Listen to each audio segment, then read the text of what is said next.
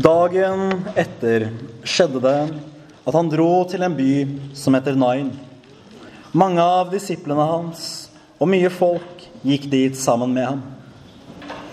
Da han nærmet seg byporten, se, da ble en død båret ut. Han var sin mors eneste sønn, og hun var enke. Mye folk fra byen var med henne.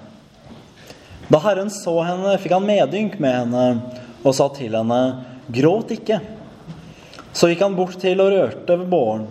De som bar den, stanset, og han sa, 'Unge mann, jeg sier deg, stå opp.' Da satte den døde seg opp og begynte å tale, og han ga ham til hans mor. Alle ble da grepet av frykt, og de priste Gud og sa, 'En stor profet er reist opp iblant oss.' Og Gud har gjestet sitt folk.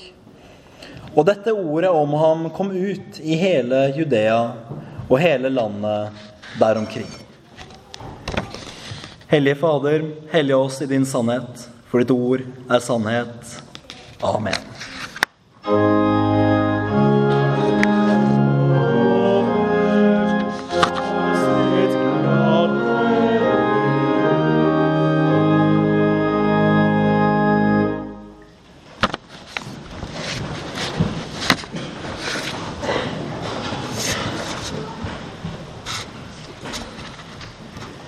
Vi kan eh, først ta et øyeblikk til å be om Guds hjelp for å forstå Hans ord.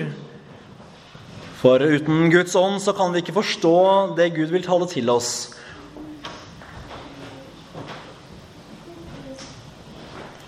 Gud, gi oss alle din ånd, så vi kan klart se og forstå hva du vil tale til oss. Amen. For slik er det jo at uh, uten Guds hjelp så er det vanskelig, om ikke umulig, å forstå hva han vil si. Og Jesus sier selv i et av evangeliene hvor han takker Gud for at han har åpenbart dette for det han kaller de umyndige små.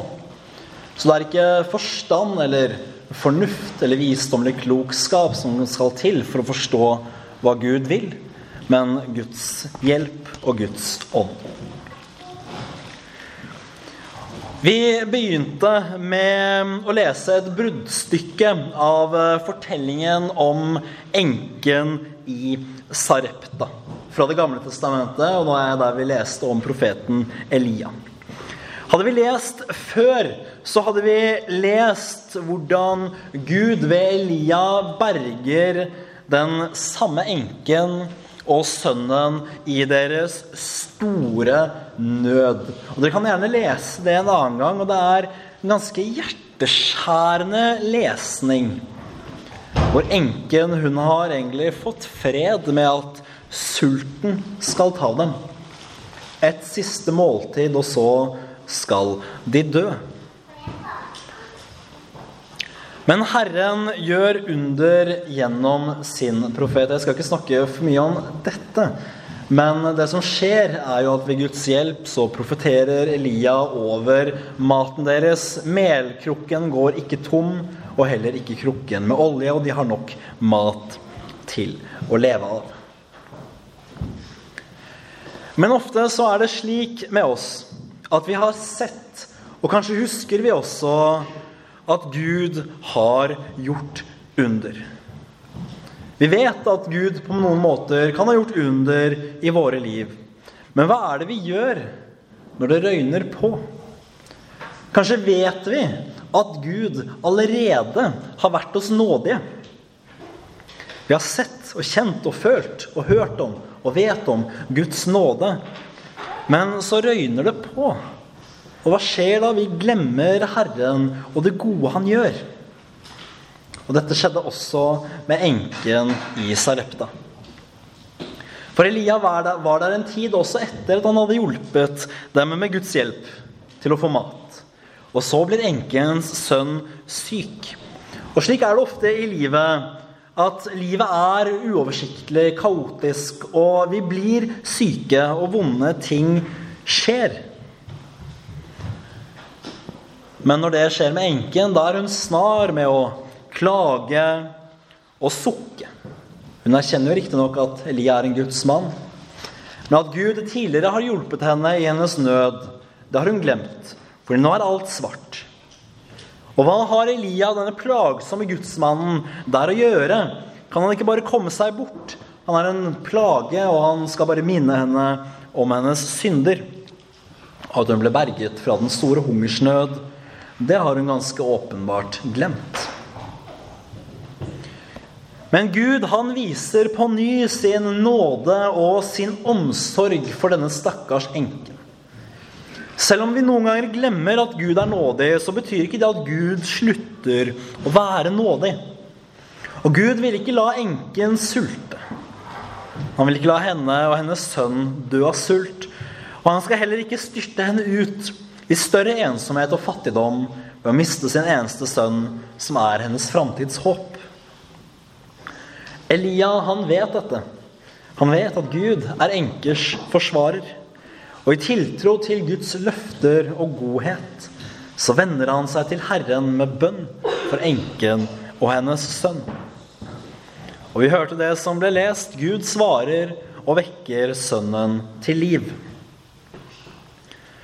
Og Vi må jo huske på oppi dette at enken og hennes sønn de kommer jo uansett en dag til å dø. Sånn er vårt liv. Og dette under var altså på mange måter midlertidig. Men det kanskje viktigste er det man finner i avsnittets siste vers.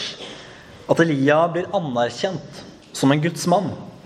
Og at de Guds ord som han taler, både før og siden, de er Guds sannhet. Dette, dette er egentlig viktigere enn vi skjønner. Fordi det var og er mange falske profeter. Og Guds ord det var heller ikke nedskrevet på den tiden i Bibelen slik vi har det. Da var det nødvendig at livets Gud virker under gjennom sine profeter for å legitimere deres budskap, så man kan skjønne og se at de er av Gud. Og Gjennom denne fortellingen så kan også vi lære at Gud har omsorg og nåde for oss i all vår svakhet på ulike måter. For når Gud har omsorg for de aller svakeste, som man må si at enker absolutt var, særlig på den tiden, så har han også omsorg for oss alle. Så går vi litt videre til eh, evangeliet etter Lukas. Vi møter også her en enke som er i dyp sorg og i stor nød. Hun har tidligere mistet sin mann. Og nå har hun da også akkurat mistet sin eneste sønn. For en mor så er det ille nok å miste sitt barn. Men med dette mistet også denne enken alt sitt, alt sitt framtidshåp i en tid da kvinner ikke arbeidet. Men Jesus Kristus kommer henne i møte. Han er Guds sønn og ett med Faderen i alt. Og Det betyr at den omsorg Gud viste for de svake i Det gamle testamentet, den viser Gud oss også nå. Når Gud også var nådig i Det gamle testamentet, da er han nådig mot oss gjennom Jesus Kristus.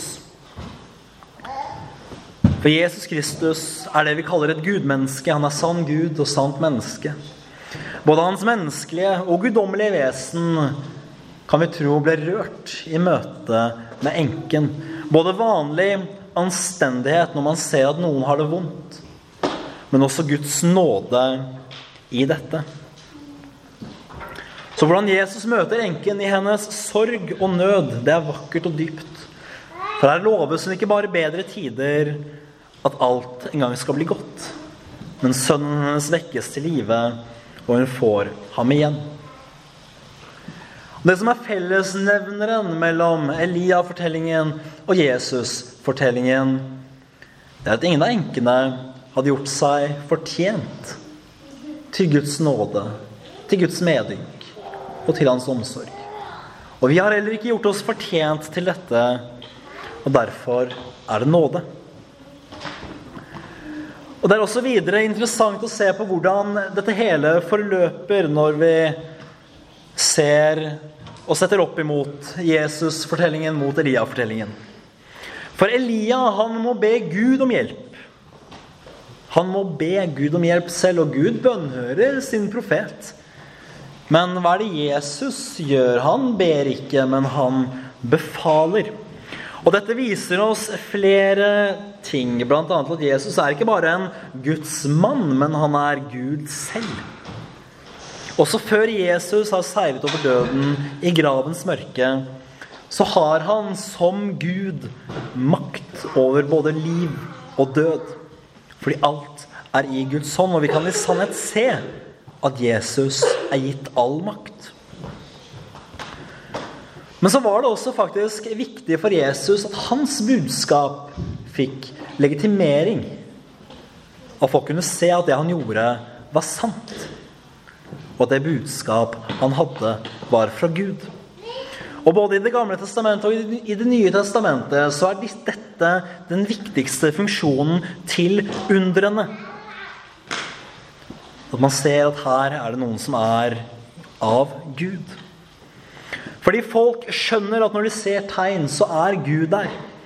Og når Jesu forkynnelse følges av tegn og under, da er det sanne Guds ord. Matteus skriver at Jesus sier at han gjør dette så folk skal forstå at han har makt til å tilgi i møte med en lam.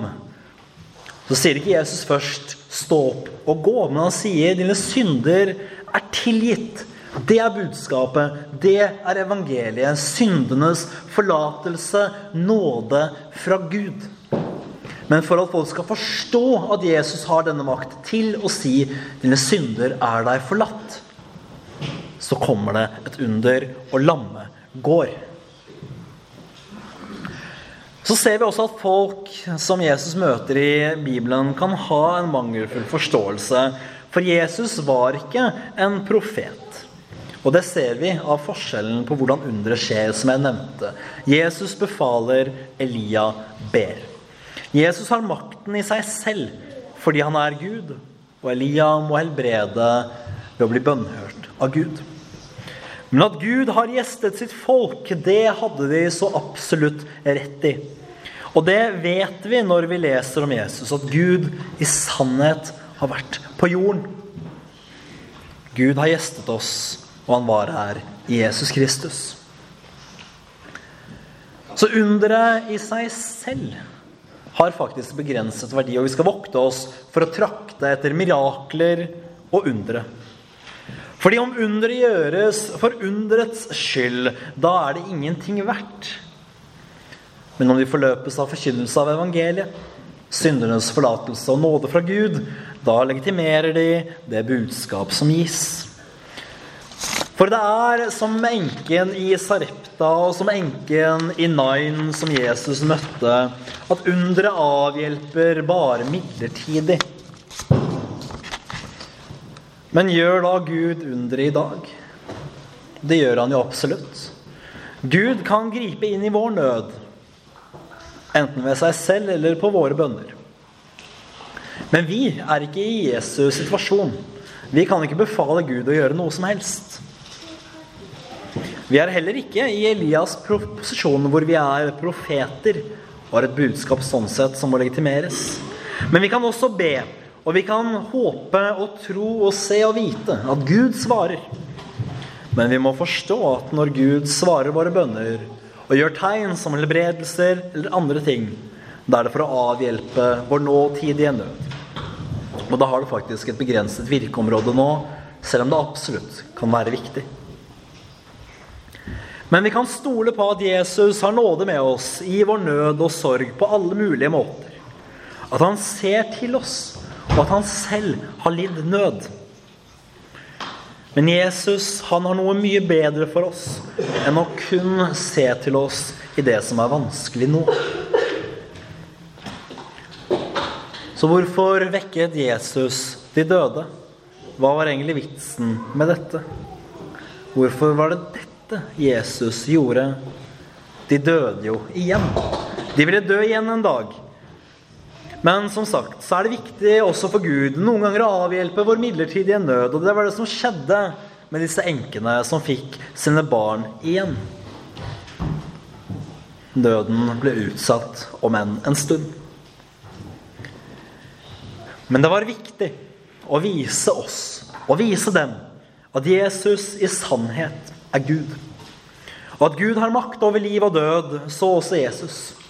Ingenting er umulig for Gud. Og kanskje er det å vekke de døde som er noe av det som ses på og ble sett på som noe av det som er aller mest umulig. Men den oppvekkelsen av de døde som vi ser at Jesus gjør, den er jo også et frampek mot to mye større ting. For det første så er det et frampek mot at Jesus på vår tro, bekjennelse, vår omvendelse, vår dåp Han skaper nytt liv i oss. Og den andre er at det peker fram mot at alle en dag skal stå opp til evig liv. For hva er vi mennesker om vi ikke er døde? Skriften den lærer oss at vi er døde i våre synder. Den lærer oss videre at ingen kan komme inn i Guds rike uten å gjenfødes.